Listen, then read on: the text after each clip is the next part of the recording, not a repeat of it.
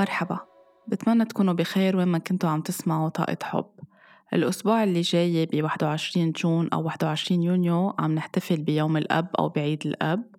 وعلى قد ما في أشخاص علاقتهم سوية متصالحة مع والدهم كشباب أو كصبيان أو مراهقين أو رجال على قد ما في كمان كتير أشخاص علاقتهم منا سوية في معاناة بالحوار مع الأب ما في مصالحة في بعض في أشخاص ما بيحكوا أبدا مع والدهم وقد في آباء بيعانوا بيتوجعوا ليقدروا يكونوا عم بيبنوا علاقة متصالحة مع أبنائهم أو جيدة أو بناءة شو هي الأسباب اللي بتخلي الأب ما يكون عنده علاقة سليمة أو سوية أو متناغمة مع ابنه؟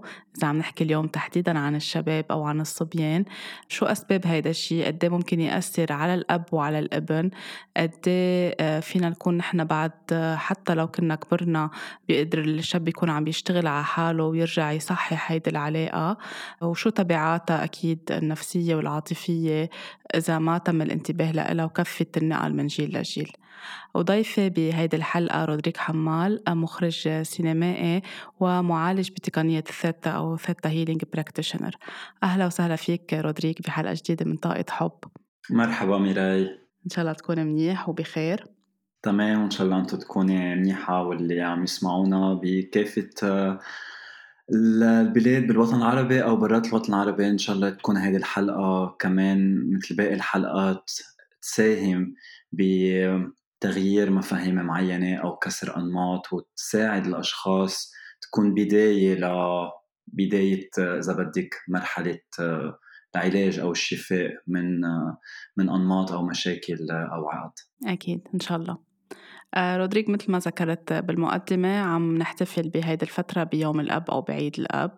آه، أكيد هو مثل ما بكل مناسبة بنقول على طول إنه كل يوم يوم للمرأة كل يوم يوم للأب كل يوم يوم للأم. ولكن في نهار بالسنة بيتخصص لهيدا لهيدا الموضوع. قد إيه مهم؟ آه، في أشخاص بهيدا النهار ما بيحبوا ما بيرتاحوا له ما بيحبوا يحكوا عنه. في أشخاص عندها آه، علاقة منا سوية منا متناغمة في نفور بينهم وبين والدهم. هيدا الشيء شو أسبابه؟ إذا بدنا نحكي آه، قد إيه في كمان آه، شباب وفي صبيان بسبب هيدا العلاقة مع الأب وصلوا لمرحلة إنه ما بيقدروا يعبروا ما بيقدروا يلتزموا بخافوا من الالتزام بعلاقة بخافوا إنه هن يصير عندهم أبناء أو أطفال. كل هيدا الموضوع إذا بدنا نبدأ نحكي فيه من وين بدنا نبلش؟ من وين بدنا نبلش؟ رح بلش من من شيء شخصي آه رح شاركه مع المستمعين إنه أول ما بعثتي لي مسج عم تسأليني في إذا عبالي كون ضيف معك عن موضوع الأبوة صراحة ترددت وأول إجابة براسي كانت إنه لا ما بدي أحكي عن هالموضوع والسبب كان شخصي بحت ليلي عم يسمعوا الحلقات اللي بكون أنا فيها أو حتى الكلاينتس اللي بيجوا لعندي. تعودوا إنه بتقصد أعطي أمثلة من حياتي وخبرتي لفسر نقاط معينة أو لبسط بعض الأفكار. وبالأخص لذكر الناس إنه إذا الشخص هو معالج نفسي أو معالج بالطاقة هيدا الشيء ما بيعني إنه ما عنده مشاكل أو عقد أو أنماط إلى آخره. فلما أنا رفضت براسي أحكي عن الموضوع لأنه كنت مارق بفترة هيك صاير شيء أنا هيك شوي زعجني بيني وبين بين بيي وأنا بعدني يعني مع السنين اللي مرقت بعدنا عم عالج وافهم واشفي علاقتي مع بيي. لأنه الأبوة منا بس من طرف واحد الأبوة علاقة. وبس نقول علاقة يعني في طرفين أو أكثر والكل بيتأثر والكل معني. ولهيك قبل ما نحكي عن الابوه الصحية إذا بدك أو المتناغمة. خلينا نحكي عن يعني نقول شو شو هي الابوه بعض التعريف بتقول إنه الابوه هي لما الرجل يصير أب. بس في مراجع بتقول إنه الابوه هي العلاقة اللي بتربط تربط بي بولاده. في مراجع بتقول إنه الأبوة هي the act أو الفعل تبعول إنه حدا يحتضن الولد سواء كانوا أطفال بيولوجيين أو بالتبني أو من زواج تاني. أنت ميراي برأيك كيف أنت كيف بتعرفي الأبوة؟ وشو برأيك من هول اللي ذكرتهم هو التعريف الأصح؟ آه هن كلهم. شوي من كل شيء يعني هي علاقة البي مع الابن. بس أنا على طول يعني هيك كيف بنظر للموضوع بحس إنه هي ما بتبلش من النهار اللي بيصير الرجل أب. هي بتبلش من زمان كيف من هو صغير كيف كبر شو شاف من بيو كيف كانت علاقته مع بيو شو الصور اللي انربطت براسه عن الأبوة واللي ممكن بنيت له معتقدات صحية أو معتقدات محدودة منا مناسبة على أساسها بيكون عم ببلش يربط أو ينمي هالتواصل بينه وبين صورة الأب. آه، وبتتفاعل أكتر وقت يكون في أكيد شعور بالأمان شعور بالحماية شعور بالاطمئنان. آه، شو القصص اللي بنطلع فيها للأب؟ وهيك بتكون كأنه مثال لإلنا كون نحن عم نتعلم منه عم نبني أشياء بحياتنا نكون نحن عم نتطور. مزبوط. يعني إذا بدنا اليوم بحلقتنا نحكي عن الأبوة مثل ما ذكرت يعني بدي رح نعمل آه الشيء اللي أنا بعمله بجلسات الثيتا اللي هو اللي بنسميه ال digging أو التنقيب. يعني بدنا نرجع بالزمن لهيدا الرجل قبل ما يصير أب. لما كان شاب وقبلها كان مراهق وقبلها كان ولد صغير وقبلها كان طفل رضيع وقبلها كان ببطن أمه. كل تصرف أو تفكير بيقوم فيه هيدا الأب كأب بتعود جذوره لهو كيف تربى من قبل. من بيو وأمه خاصة بيو كيف كانت علاقته فيه من أول نهار. يعني الأبوة منا إنه لقب أو هيك نشان أو تحصيل حاصل إنه حدا دغري صار بي الأبوة الصحيحة هي من ميل توفير الحب والحضانة للولد والأمان والحماية يعني للولد أو البنت ومن ميل كمان هي عملية مصالحة يعني البي لما هو يكون بي عم بيوفر هيدا الشيء لأولاده بنفس الوقت عم بيكون عم يعمل عملية مصالحة مع بيو وبي بيو وتنظيف أنماط وأحقاد وجروح و trauma. وكل ما هنالك من ترسبات سلبية بتمنع الرجل يتمتع بعلاقة صحية وسليمة مع أولاده. وهذا الشيء بيستمر لآخر لحظة من حياة هيدا الأب وبكفي مع ابنه من من بعده. يعني إذا بدنا نبلش نحكي عن الأبوة بدنا نبلش كيف منربي آه، ولد أو أو الصبي؟ كيف منربي الولد أو الصبي؟ مم. يعني وقت عم نشوف نحن آباء آه، منهم مرتاحين أو رجال منهم مرتاحين بحياتهم. بدنا نرجع لهن كيف تربوا. أول ما خلقوا قد إيه كانوا مرحب فيهم بهيدي الدنيا. علاقتهم مع البي كيف كبرت وكيف نميت. هل صعوبة بالعدم القدرة على التواصل على الحكي على التعبير والخوف من إنه يصيروا آباء؟ كلها هيدي راجعة آه، كيف منربي الصبي؟ في كتير عوامل ونقاط لازم نتطرق لها وننتبه لها لما نربي الصبي. وأولها بتبدأ مثل ما ذكرت قبل ما حتى يخلق الصبي لأنه للأسف عنا بالعالم العربي في نسبة هائلة من الرجال بتنطر مجيء الصبي ليحمل اسمه اسم العائلة ويكفي الإرث ويمكن يستلم البزنس أو المصلحة. هيدا أول تفكير بحد ذاته هو خطأ بيرتكبه الأب بلا ما يعرف. وأحيانا بيكون في نوع من تواطؤ باللاوعي مع الأم والعائلة كلها إنه هيدي الخطة والهدف من إنه إنجاب صبي. يعني أول شيء رح أقوله بدي أعتذر من الآباء اللي عم يسمعوا آه والأمهات إذا كنتوا عم تسمعوا لأنه كمان الأمهات عندهم مسؤوليات بالأبوة كمان بنرجع نحكي عنها بعد شوي.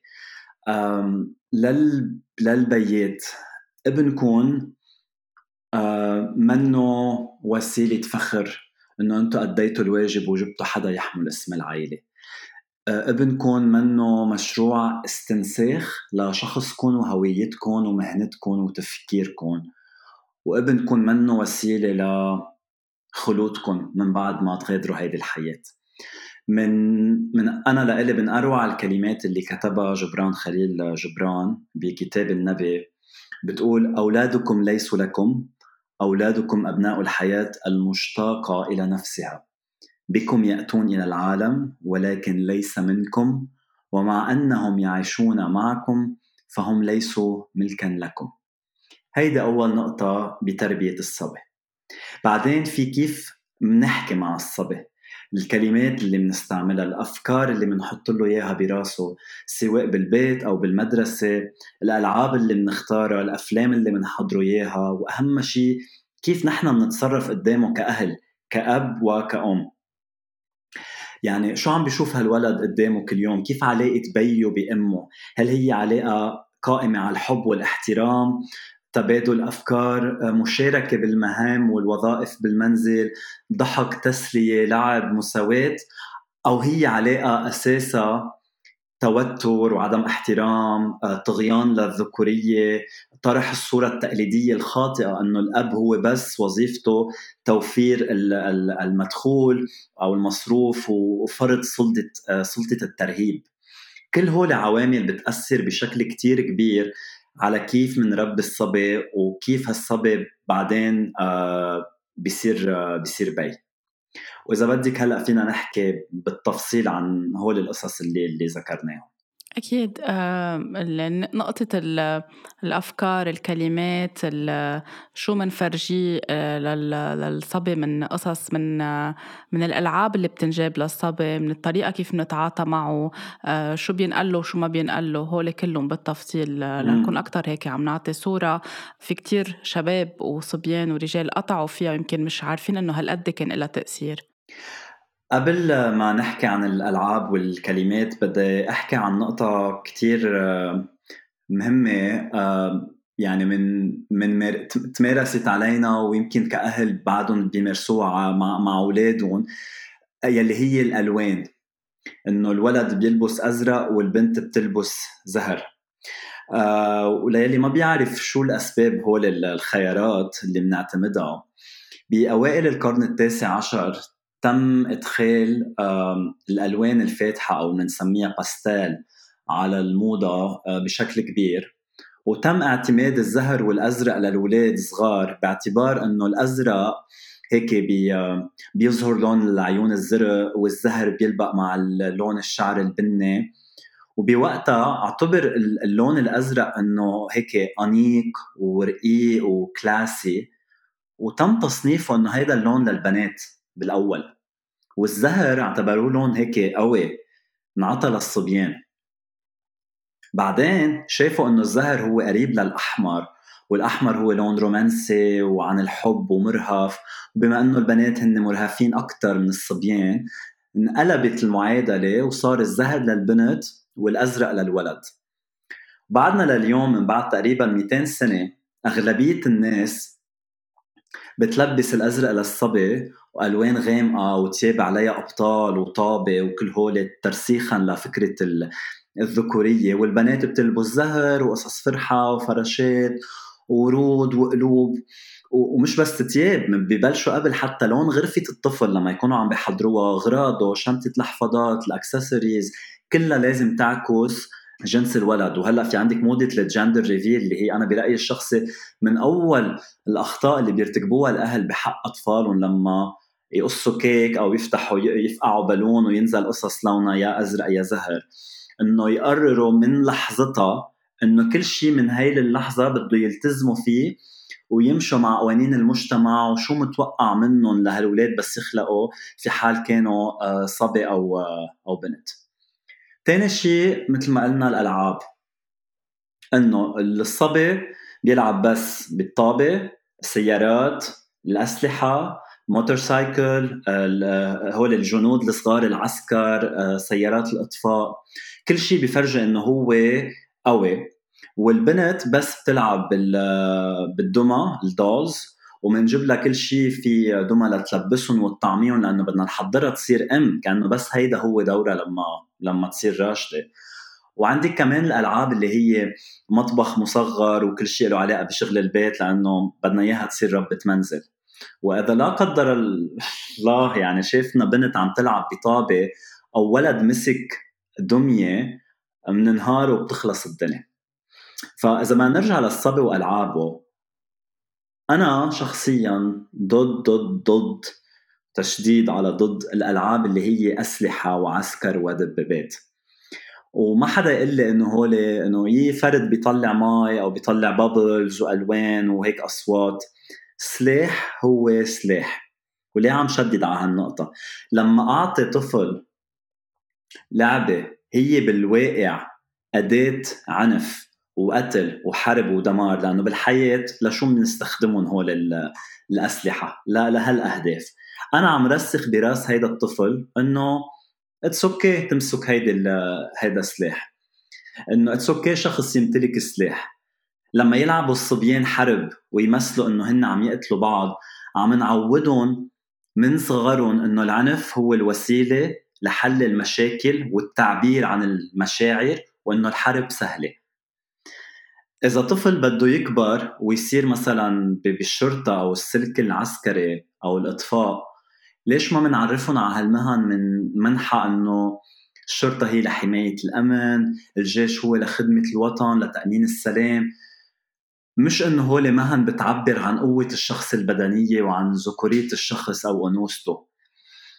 يعني من الصراحة نحن هلأ عم نمر بوقت الدنيا مليانة حروب. ما بقى عايزين أجيال تربى على فكرة الأسلحة. ولما الأهل يبطلوا يشتروا هالألعاب رح يبطل تتصنع. يعني هيدي كمان من مسؤوليات الأهل ك كبي وكأم وهلأ كمان صار عندك الفيديو جيمز اللي أغلبيتها مبنية على واس واحتلال أراضي وبناء مستعمرات وقتل و zombies يعني أنا شفت بعيوني أولاد عمرها خمسة وست سنين صبيان عم تلعب هيدي اللعبة. وعندك الحجه تبعول الأهل إنه يي مع رفيقه بيلعب وطلب هو هيدا الصبي و... وما بدنا نزعله وبيقعد بيلتهي فيها أنا بكون عم خلص شغل أو بيو بيكون مشغول. طيب إذا أهل رفيق ابنكم هن قرروا يختاروا لعبة عنيفة لابنهم. أنتم لازم تكونوا أوعى من هيك. وإذا جبتوا هيدي اللعبة لما تحسسوا ابنكم بالغيرة أو النقص في مشكل مع علاقتكم مع ابنكم. وإذا عم بتجيبوا هاللعبة لا لا لا لتصيروا أنتم عندكم وقت لنشاطاتكم الاجتماعية بلكي يمكن ما كنتم جهازين تكونوا أب أو أو أم. خيارات الألعاب مش بس بتأثر على نمو الصبي كمان بتأثر على شخصيته وعلى خياراته المهنية بس يكبر. يعني أكيد البنت ما حتقرر تصير شرطية أو لاعبة كرة أو امرأة إطفاء. شي مرة سمعت بتعبير امرأة إطفاء دايما بنستعمل رجل إطفاء. لأنه من هي وصغيرة انحط لها خيارات. إنه this is a man's job هيدا عمل للصبي. وأكيد الولد ما رح يقرر يمكن يكون خياط أو مدرس أو طباخ لأنه ما شاف هالخيارات لما كان صغير. يعني تعال تعال نفكر بهيدا السيناريو. في صبي شافوه أهله عم يلعب ببوبي آه، بدول دميه أنثى وعم بغير لها ثيابها أو عم ينيمها أو عم يهتم فيها شو هي ردة الفعل البديهية؟ شو قولك بيعملوا الأهل؟ آه، حالة هلع إذا بدك أو خوف أو بيصرخوا عليه أو بياخدوه منه بال... منه بالقوة أو بيقولوا له أنت بنت لتلعب بهيدي يعني من القصص اللي بنسمعها أو هاي لأختك أو هاي للبنات آه، أو يعني عبارات تانية آه، مدمرة بفضل ما أكون عم بذكرها ف هيدي صح. حالة صح. دغري حتى بيصيروا يحسوا إنه هويته الجنسية رح تكون دغري عم تتأثر لأنه عم بيلعب بدمية صح لأنه رح يخافوا إنه بس يطلع هذا الصبي يطلع عنده ميول جنسية مثلية أو ما حيطلع رح يطلع هول الكلمات التنمر اللي بيستعملوه ما رح يطلع رح يطلع نعنوع ويطلع رقيق وكل هول كل هول القصص طيب ما حدا بيطلع للموقف من منظار آخر يلي هو أنا ابني حامل آه، بوبي دمية عم بغني لها أو عم بينيمها يعني عم تنمى عنده صفات أو فضائل الحب والاهتمام والحنان. إنه إذا هو صغير بيعرف يهتم بدمية يعني رح يكبر يمكن يهتم بأخته أو خيه الصغير. رح يكبر ويصير بي يعرف شو يعني يحمل طفله ويعبر له عن حنانه. رح يفهم إنه هيدا جزء من الأبوة. ما حدا بيشوف هالوجهة النظر. ما حدا بيفكر لأبعد إنه إذا ابن صغير يمكن شفته عم بمشط شعر الدمية ويكون رقيق معها إنه هيدا الصبي رح يكبر ويكون بيحترم المرأة وبيعرف يعامل إخواته وزميلاته بالعمل وشريكة حياته وبنته بنفس قدر الاحترام والحنان. بس لا ما حدا للأسف بيفكر هيك. نخفي الدمية والبديل هو سلاح أو دبابة. بعدين نتفاجئ لما يكبر هيدا الصبي ويمسك سلاح مزبوط ويدخل على مدرسة ويقتل العشرات من التلاميذ. أو يسفق زوجته كف أو أولاده أو يغتصب جسد امرأة أخرى لأنه هيدا الشيء يمكن عادي لأنه العنف بحل كل شيء وما بيقلل من رجوليته. هيدا مثل واحد عن الألعاب في يعطي غيره كتير. بس بدها يعني لما نطول بالحلقة خليني كمان انتقل لفكرة تانية بتربية الصبي اللي هي العبارات والكلمات. اللي بيقولوها أوقات بالتساوي البي والأم. هون بنرجع كمان لأهمية الأم بدور الأبوة. العبارات يلي هي آه الصبي ما بيبكي. أنت صبي ليش عم تبكي؟ عيب تبكي. لما يكون عم تنزل دمعته أو عم يفتح تمه ليعبر آه بلعها ما تسمعني صوتك. آه يا يلا يلا نشف دموعك. انت أنت ولو أنت رجال صغير أنت رجال كبير. لا هو ولد هو صبي هو بعد ما صار رجال. عم نستبق الأمور عم نحطه عم نحمله لهيدا الصبي أكبر من طاقته. هول العبارات كلهم شو يعني شو بنسميه هيدا الشيء يعني أول كلمة أنا بتجي على راسي قمع يعني حدا يفسر لنا بأي حق وبأي منطق نمنع صبي صغير إنه يعبر عن مشاعره إذا كان متضايق أو موجوع إذا وقع يمكن وجرح أجره عم يبكي. يعني أنا أوقات بحتاج بس أحكي عن هيك مواضيع حساسة لأنه وبقول يمكن أوقات أشياء معقول تكون قاسية لبعض المستمعين بس في حقيقة لازم تنقال. الأهل اللي بيمنعوا أولادهم وتحديدا الصبي من التعبير عن مشاعره أو البكي عم يرتكبوا ذنب كتير كبير بحق ابنهم وعم بيساهموا بخلق جيل جديد من الرجال المكبوتة العنيفة وعديمة المسؤولية. هلأ في كمان عالم عم تسمع بدها تقول طب بس ما نحن هيك تربينا أو هول الرجال هيك تربوا. okay هيدا الحكي مزبوط بس هيدا ما فينا نستخدمه كعذر. ذكرت بالأول إنه الأبوة هي مسيرة هي منا هيك title مثلها مثل الأمومة. بيتحضر لها قبل ما يخلق الطفل قبل ما يصير في حمل أو حتى قبل ما يصير في زواج. ضروري نتصالح مع جروحاتنا كأطفال مع أهلنا ومع أبائنا ونكسر الأنماط قبل ما نرجع نكررها. وهون ما يعني ما أنت ما انفهم غلط. مش معناتها بدنا ما فينا نجيب أولاد قبل ما نحل كل العقد. لأنه هيدا الشيء كمان شوي far-fetched يعني كمان صعب. بس إنه ال minimum إنه نعرف شو ناطرنا. نفهم جروحاتنا نعالجها ناخذ القرار. القرار بس إنه أنا بدي عامل طفلي بشكل أحسن. يعني مبلش بهيدي النية إنه أنا ما بدي عامل ابني مثل ما أنا بيي عملني. ونحكي عن تربية ولدنا مع الشريك وشريكة حياتنا قبل ما نتزوج. نتأكد أول شيء إنه الشريكين بدهم أولاد لأنه ياما في حدا من الطرف ما بده أولاد وبيجي الولد غصبا عن أحد الطرفين.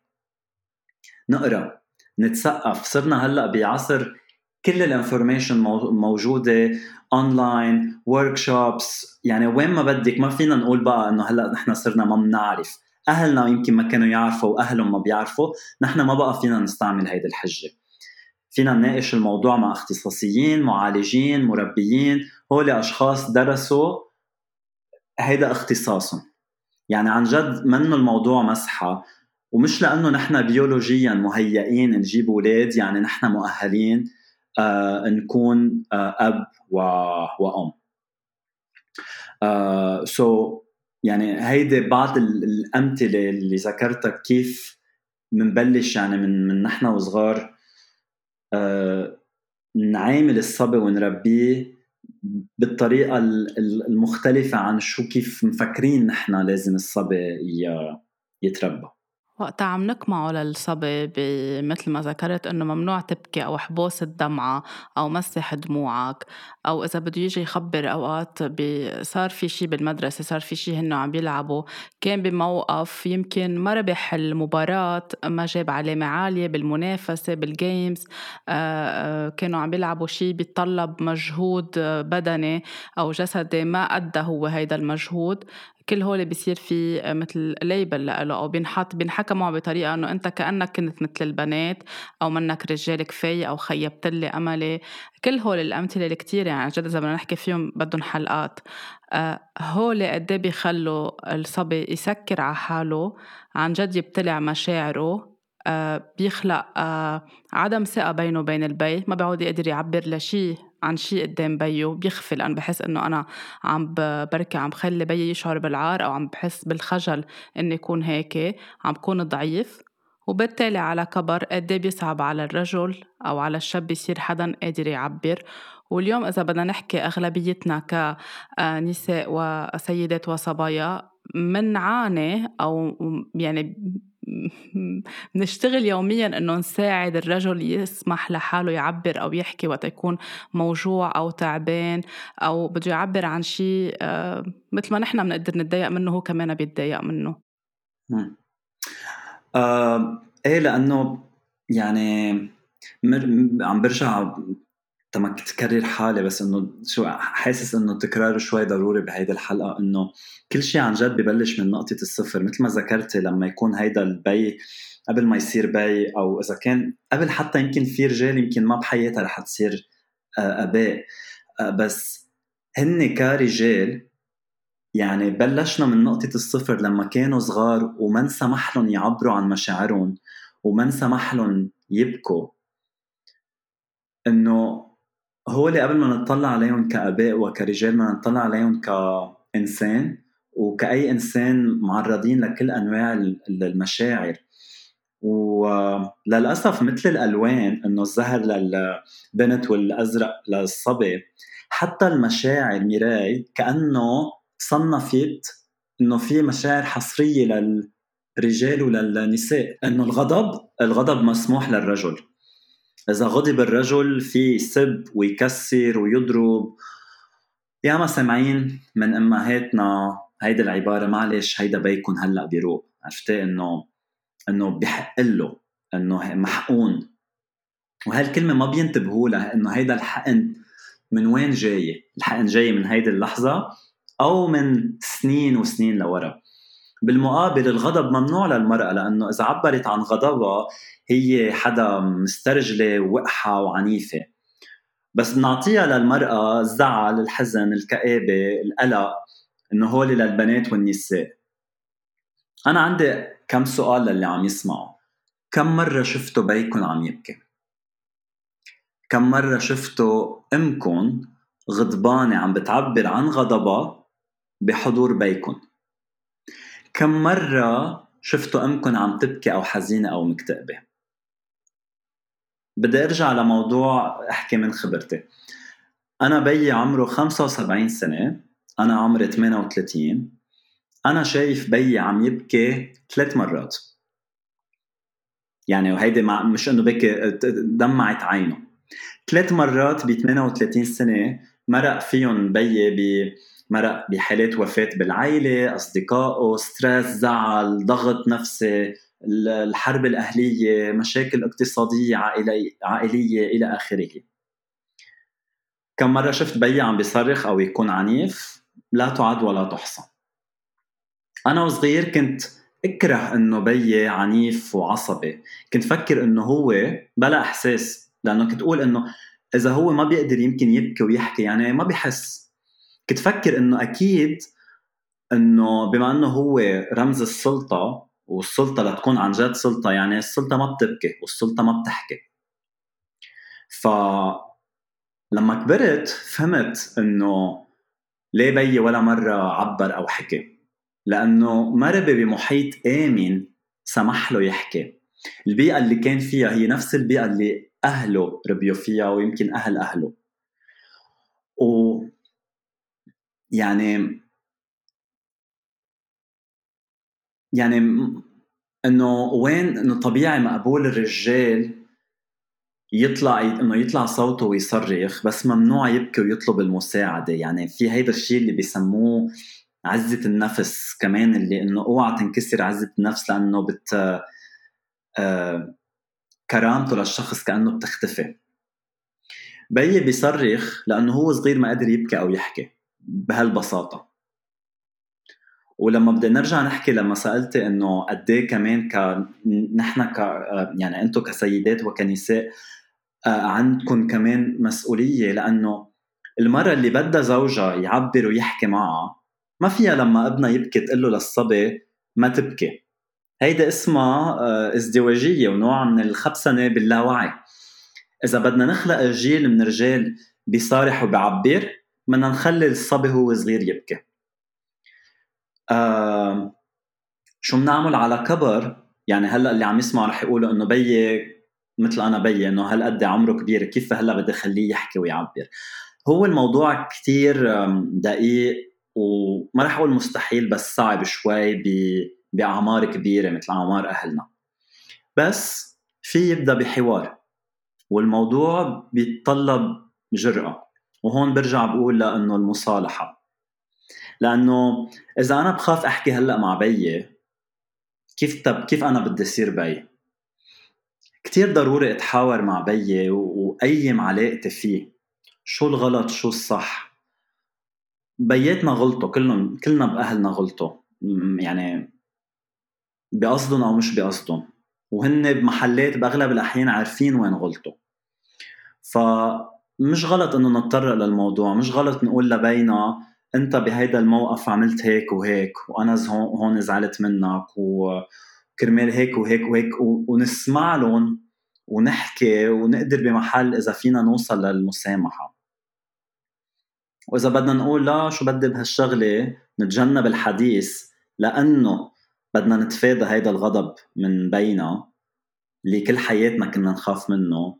فنحن بعدنا عم نسكت مشاعرنا. يعني عم نمارس على حالنا اللي هن كانوا يمارسوه علينا. ونعزز فكرة إنه البي هو سلطة الخوف اللي ما حدا بيوقف بوجهها وبلا ما نعرف بتتسرب بعض هالقصص من الأنماط لأولادنا وهيدي بعدين بتنعكس مش بس على مبدأ الأبوة بالعيلة إنما كمان بتصير بالمجتمع وبتصير كمان بالسياسة.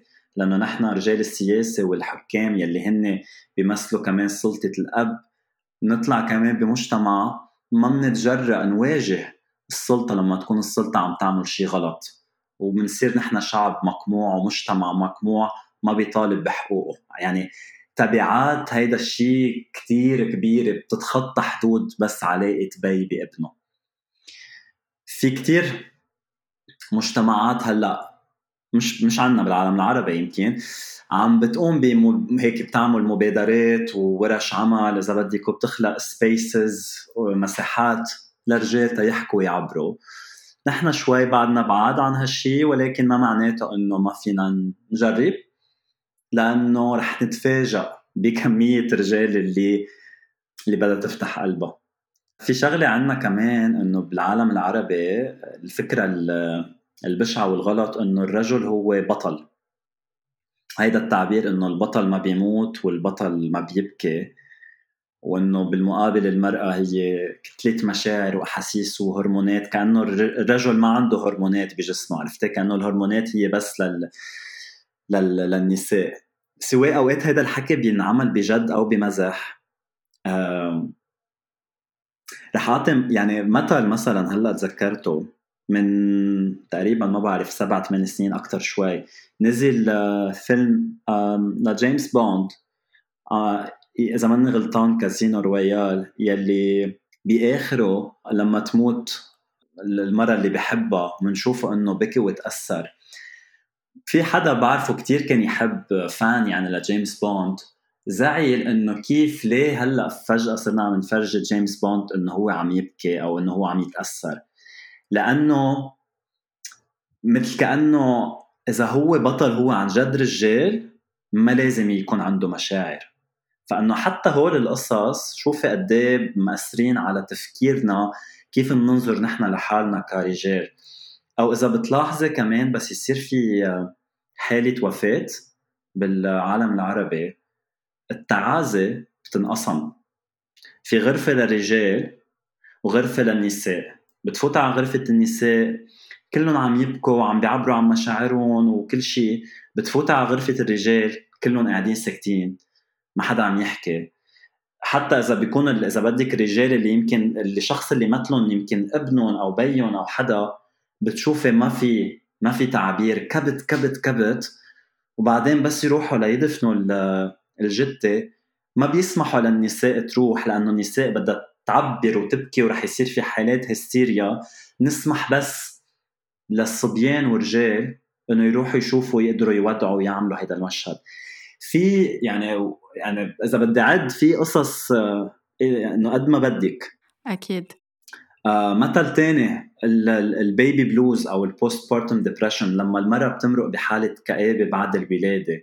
أو حتى إذا ما مرقت فيها كلنا عن جد هيك عنا إياها هيدي آه بلا ما نحس إنه بس يجي ولد إنه عائله يجيها ولد. عنا ميل إنه بنروح بنقدم الهدايا للأم والاهتمام لأنه هي مرقت بكتير وجسديا تجربة صعبة وهلأ قدامها مسؤوليات. بس ما حدا منا بفكر البي شو عم يمرق. هل هو خايف؟ هل هو مستعد؟ هل هو عم يمرق بضغط نفسي لأنه هلأ زادت مسؤولياته؟ إنه يمكن إذا كانت زوجته معها هلأ وقفت شغل أو أساسا ما بتشتغل. ما حدا منا بفكر بهول لأنه يي ولو هيدا رجال البيت هيدا البي. عرفتي؟ وحتى بتشوف البي أول ما يمسك ابنه إذا كان أول ولد أو أول بنت هيك بتشوفي في هيك نوع من إنه يي أوعى بصيروا حتى بيقولوا له ليصيروا يعطوه إرشادات أكثر للبي إنه هدي له راسه عمول هيك عمول هيك. لأنه هو ما بيعرف.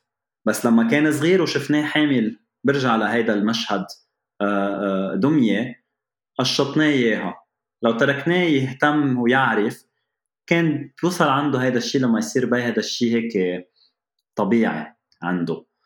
صح يمكن كمان لازم تبدأ من إجازة الأبوة يعني في إجازة للأم بالعمل ولو هي حتى منا كافية وبتحتاج لاكثر من 40 و60 يوم أو حتى 80 يوم بال... عم بحكي بال... بالبلدان العربية في بلدان.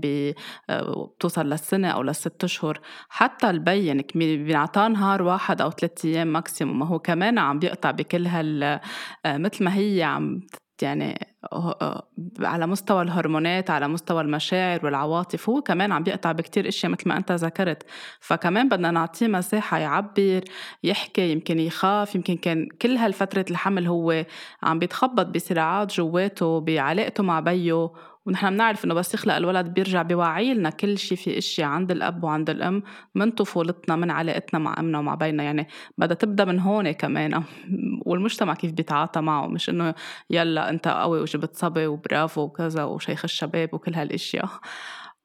وكمان من الإشياء اللي بحب أذكرها للمرة الثانية يمكن أو العاشرة ذكرتها السنة الماضية على عيد الأب بالبودكاست بدي ارجع ضوي عليها الهدايا اللي بتنعمل. يعني بلشنا نشوفهم على ال social media والبوستات أو الحلويات أو الكيك أو الجاتو لعيد الأب على طول أو سوبرمان superhero أو في moustache عريض يعني شوارب كتير عريضة أو سيجار. أو كرافات ربطة عنق أو أي شيء حسب اللباس التقليدي بكل بلد.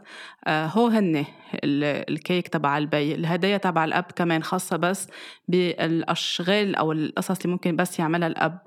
ليش كمان هون عم نرجع نحط الأب على طول بهيدي الصورة؟ وعم تتفعل من سنة لسنة لسنة فهون هول القصص الصغيرة اللي فينا نكون يمكن عم نبلش نكسر أنماط ونرفض هيدا الشيء. وننبش على شيء أكتر نحن كيف بنطلع لبينا أو لمفهوم الأبوة ونخليه هو أكتر ما يشوف بس حاله بهيدي الصورة أو الشاكوش أو والألقاب اللي بنحط عليه كل الوقت فهيدا كمان بيستلزم تغيير كبير. بس هي كمان ميراي يعني أنا بوافق بالرأي على قصة إنه عيد الأب عيد الأب مقابل عيد الأم نوع الهدايا أو حتى ال promotion اللي بتنعمل بتلاحظي إنه ال Mother's Day بينعمل له بعد تحضير من قبل. مثل كأنه إنه البي ça va إذا ما اعطيناه إذا ما اعطيناه هدية ما رح ما رح يزعل. بس هي مش بس على هيدي المناسبات. انت كم مرة أو هلأ كل اللي عم يسمعوا وقت يكون في آه، أعياد ميلاد أو كريسماس أو حيلا عيد بيصير فيه هدايا. كتير منلاقي سهولة إنه نختار هدية لأمنا. بس لما نجي لنفكر ببينا كأنه الخيارات بتصير كتير محدودة. إنه رح نجيب له قميص كرافات بارفان شيء له علاقة بشغله. آه، وهول هن. مثل كأنه الرجل ما بيستحق نعطي مجهود نفكر فيه كشخص هو شو بيحب يعني أنا بيي شو بحب شو هواياته كيف شخصيته. ليه ما بفكر اهديه شغلة ولا مرة هو فكر يهدي حاله آه هيدا الشيء يعني بعدنا من عامل الرجل إنه اوعى نعطيه شيء معقول هيك نقرب على هيدي النقطة الحمراء اللي هي المشاعر والأحاسيس. خلينا بس إنه هيك هدايا كتير هيك جينيريك وبتأدي الواجب وخلص.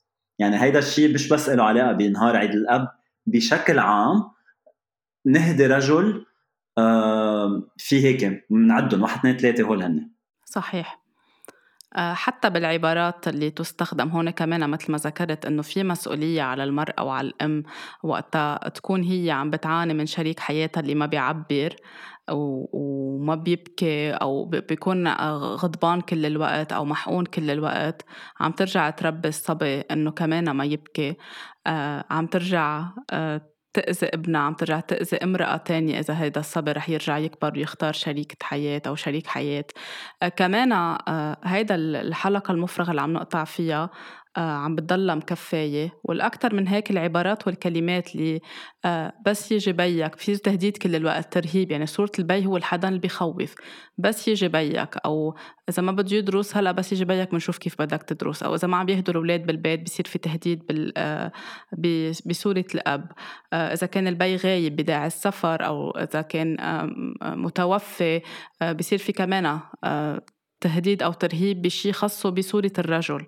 آه هيدي كمان قد إيه عم بتأثر وقد إيه عن جد عنا مسؤولية إذا عم نعاني كسيدات نحن نكسر نحن نبلش نكسر هيدي الشغلة ويمكن اللي سمعناها موجودة بلاوعينا موجودة بوعينا بس نحس حتى بدنا نقول نوقف حالنا وننتبه نحن شو عم نكرر لأنه عم نرجع نفوت بنفس الحلقة المفرغة. حتى أوقات وقت يصير في تشبيه للصبي إنه برافو شاطر مثل بيك أو فرخ البط عوام أو أبضاي مثل بيو أو بدي إياك تكون رجال مثل بيك.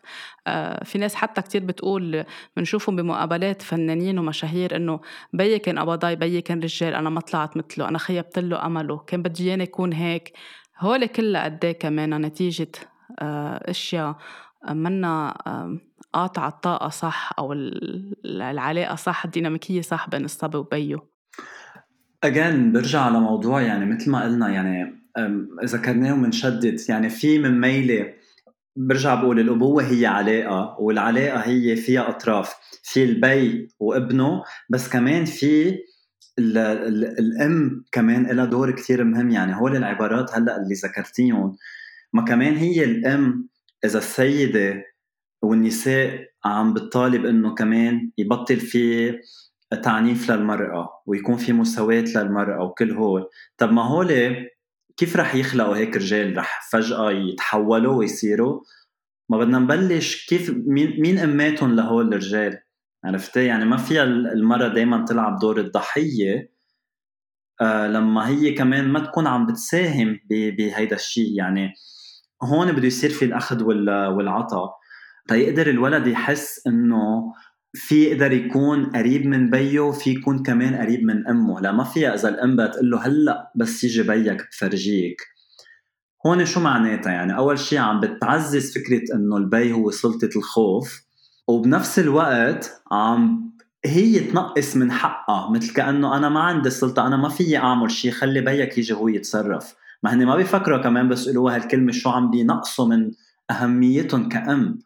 ما أنت كمان مربية. ليه بدك بمحل تستسلمي وتعطي هذا الدور الغلط أصلا للبي وبصير في دائما مع على الكبر إنه بدنا نرضي بدنا نرضي البي وبدنا ياما في ولاد أشخاص كبار بعدهم لهلأ كل شيء بيعملوه بحياتهم هو لي يثبتوا لبيهم اللي بعده على قيد الحياة أو توفى إنه هن على قد المسؤولية أو هن عملوا شيء من ورا كلمه سمعوها هن وصغار بي قال لهم أنت ما بيطلع من أمرك شيء أو أم قالت مثلا بيك لما كان عمرك ليك شو عمل أنت شو طلع منك؟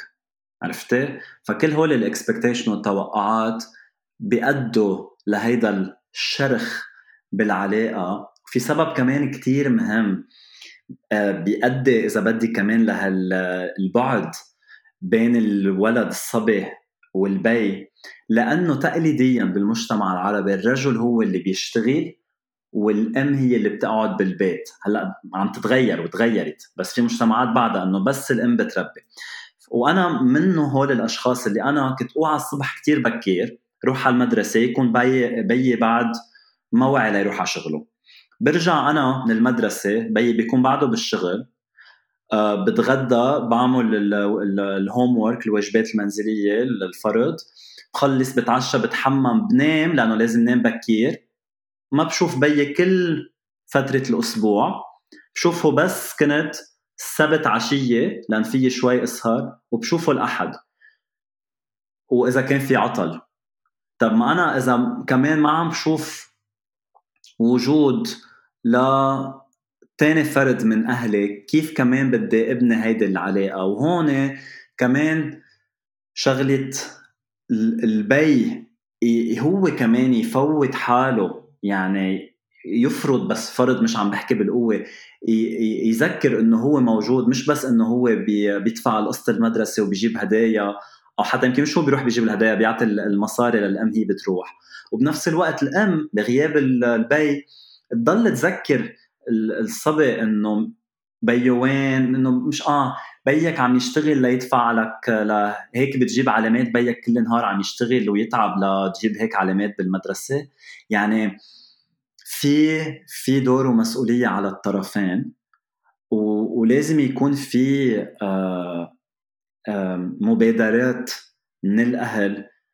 يعني مش إنه بس اللعب والحمام إنه هيدي وظيفة الأم. لا البي كمان في يحمم اولاده البي في يقرأ قصة لأولاده بس يفوتوا على التخت البي في يروح يعمل activity مع أولاده البي مش بس شغلته إنه يجيب يجيب مصاري لأنه في كتير بيات هي بتحب تعمل هيدا الشيء بس ما بتعرف كيف لأنه بتخاف إذا عملت شيء تبين انها أقل من قيمتها أو سخيفة لهالدرجة. في كتير بيات بدها بس ما بتتجرأ لأنه بتخاف. حتى في آه، كتير بوستات بشوفها من إميات أوقات على سبيل على سبيل المزح أو أوقات عن جد بتكون آه، إنه آه، بيعملوا هيك مثل memes أو بيفرجونا صورة إنه بس يكون الأم مدهرة اولادها كيف ملبستهم ومرتبتهم كيف شكلهم وإذا شي مرة اتكلت على البي بيطلع الأولاد شكلهم مفركش أو مش ظابطين أو مش مشاطين شعراتهم.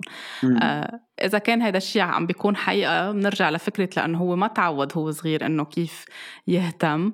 ومش مزبوط كل البيات هيك. يعني في بيات إذا هن بينتبهوا على شكلهم الخارجي أكيد رح يكونوا حريصين أولادهم يطلعوا مرتبين وبهندام جيد يعني. فكمان هون بترجع المسؤولية على الأم. يعني ما بدنا نقول كل الوقت حق على الرجال والبي والبي. كلنا عنا يعني بالنهايه نحن اثنين بهالدنيا اثنيناتنا علينا مسؤولية نكون عم نخلق تغيير. إيه أو حتى مثل يعني المثل اللي اعطيتيه على قصة الثياب أو إنه إذا الصبي من هو صغير ما بحياته فات على المطبخ أو عمل شيء. لما يقولوا إنه يي جوزي ما بحياته ما بيعرف يقلي بيضة أو ما بحياته يعمل شيء. طب ليه؟ لأنه ما انسمح له. لأنه إذا فات إنه هيدا الشغل المرة بس بالمطبخ. ليه؟ إنه شو الغلط إنه رجل يطبخ؟ بعدين بنقول آه بس نرجع يعني هون شو بقولوا السخرية أو كمان برجع بقول مثل ازدواجية أو خبسنه الاهم أهم الشيفس بالعالم هن رجال. بالوقت اللي إذا شفنا شاب عم يطبخ أو صبي صغير عم بيساعد أمه بنرفضها للفكرة. يعني نحن عنا نوع من آه، ازدواجية بطريقة تفكيرنا كيف كيف بدنا نربي الأولاد. وبرجع مثل ما قلنا يعني في طرفين عم بيساهموا. الولد لا ينمى مزبوط الصبي أو البنت بس حلقتنا اليوم عن الصبي. بحاجة لطاقة الأنوثة من أمه والحنان وكل شيء فضائل بيتعلمها من أمه وبنفس الوقت بحاجة لطاقة الذكر بالطريقة الصحيحة مش إنه وقت نقول طاقة الذكر يعني عضلات وصريخ وعيط ليقدر هو يدمج بين هول الاثنين ويطلع شخص آه، جسديا وعقليا وعاطفيا عنده توازن بمشاعره وما عنده مشكل إذا زعل يحكي أو يبكي أو يعبر عن عن مشاعره. آه، إن شاء الله نكون رودريك بكل هيدي المعلومات اللي آه، أعطيتنا إياها والأمثلة والقصص من واقع الحياة اللي عن جد كلنا بنشوفها حوالينا بحياتنا ومن اللي من اللي عم نكبر معهم وكبرنا معهم. آه، نكون هيك خلقنا وعي رفعنا شوي الوعي للناس تبلش تنتبه حتى لو كانت آباء فيها اليوم توقف وترجع تختار إنه تغير حتى لو كان قطع وقت لأن في ناس بتستسلم إنه خلص قطع وقت ما فيي أحكي مع بيي أو بيي ما بينحكى معه. إذا كان بعده على قيد الحياة في فينا نرجع نختار آه، ما نستسلم نبني هيدا الحوار على قد ما بنقدر إذا كان البي غادر الحياة في على طول طريقة ويمكن حكينا فيها بكذا حلقة آه، بطاقة حب وكمان بحلقات معك إنه كيف نحن فينا نعمل مسامحة ونحكي معهم لأنه هن بيسمعونا ونبني هالسلام اللي نحن بحاجة له والمصالحة. وإن شاء الله نكون كمان رفعنا الوعي أكتر وأكتر عند الشاب إنه بحق له يبكي بحق له يعبر بحق له يقول أنا ما فيي ما بقى فيي أتحمل آه كل هول القصص اللي حكينا فيها اليوم. آه إن شاء الله عن جد يكون كان فيها إفادة للكل واللي عم بيختار يصير أب كمان يكون عم بياخد كل هيدي التفاصيل بعين الاعتبار ويكون عم بيتحاور فيها مع شريكة حياته. آه في شي بتحب تضيفه رودريك؟ لا آه، شكرا ميراي. آه، يعني هو الموضوع بيحمل أكثر بعد نحكي عنه بس آه، هو اللي مثل ما قلت إنه مجرد هيك رؤوس أقلام نبلش نحرك أفكار بعقول اللي عم يسمعونا تنبلش نعمل تغيير. بدي وجه معايدة لكل بي أو لكل حدا رح رح يصير بي. ينعاد عليكم يعطيكم العافية. آه وأنتم مسموعين ومشاعركم لها أهمية وأفكاركم لها أهمية. وليلي هيدا كمان التعبير اللي بيقول الدنيا ام آه بدي زيد عليه إنه الدنيا هي ام وبي ما فيها تكون بس ام أكيد كل شيء مبني على التوازن. تحية لوالدي ولوالدك رودريك تحية لكل الآباء. سلام لروح كل الآباء اللي غادروا الحياة. كمان تحية لكل الآباء اللي عم بيلعبوا دورين بالحياة إن كانوا single dad أو آباء يعني منفصلين أو غير متزوجين أو توفت زوجتهم. كمان بدنا نوجه لهم تحية لأنه كمان الحمل عليهم آه، آه، كبير. وإن شاء الله بركي بحلقات تانية بنحكي عن هيدا الموضوع. وتحية لكل صبي صبي صغير عم ببلش يعيش ويكون علاقته وصورته الصورة إن شاء الله تكون عم تتكون عنده صورة صحية آه، مع بيه ومع المفهوم الأبوة. وإن شاء الله يكون عن جد آه، خلقنا شوية تغيير من خلال هيدي الحلقة. شكرا كتير لك رودريك حمال مخرج سينمائي ومعالج بتقنية الثيتا على حلقة اليوم. طاقة حب كتير كبيرة مني ومن رودريك للجميع. اهتموا بحالكم حبوا حالكم عبروا عن مشاعركم وابكوا وقت تكونوا بحاجة انكم تبكوا كصبايا وكشباب وكرجال وكسيدات. لاقوني الأسبوع اللي جاي بحلقة جديدة.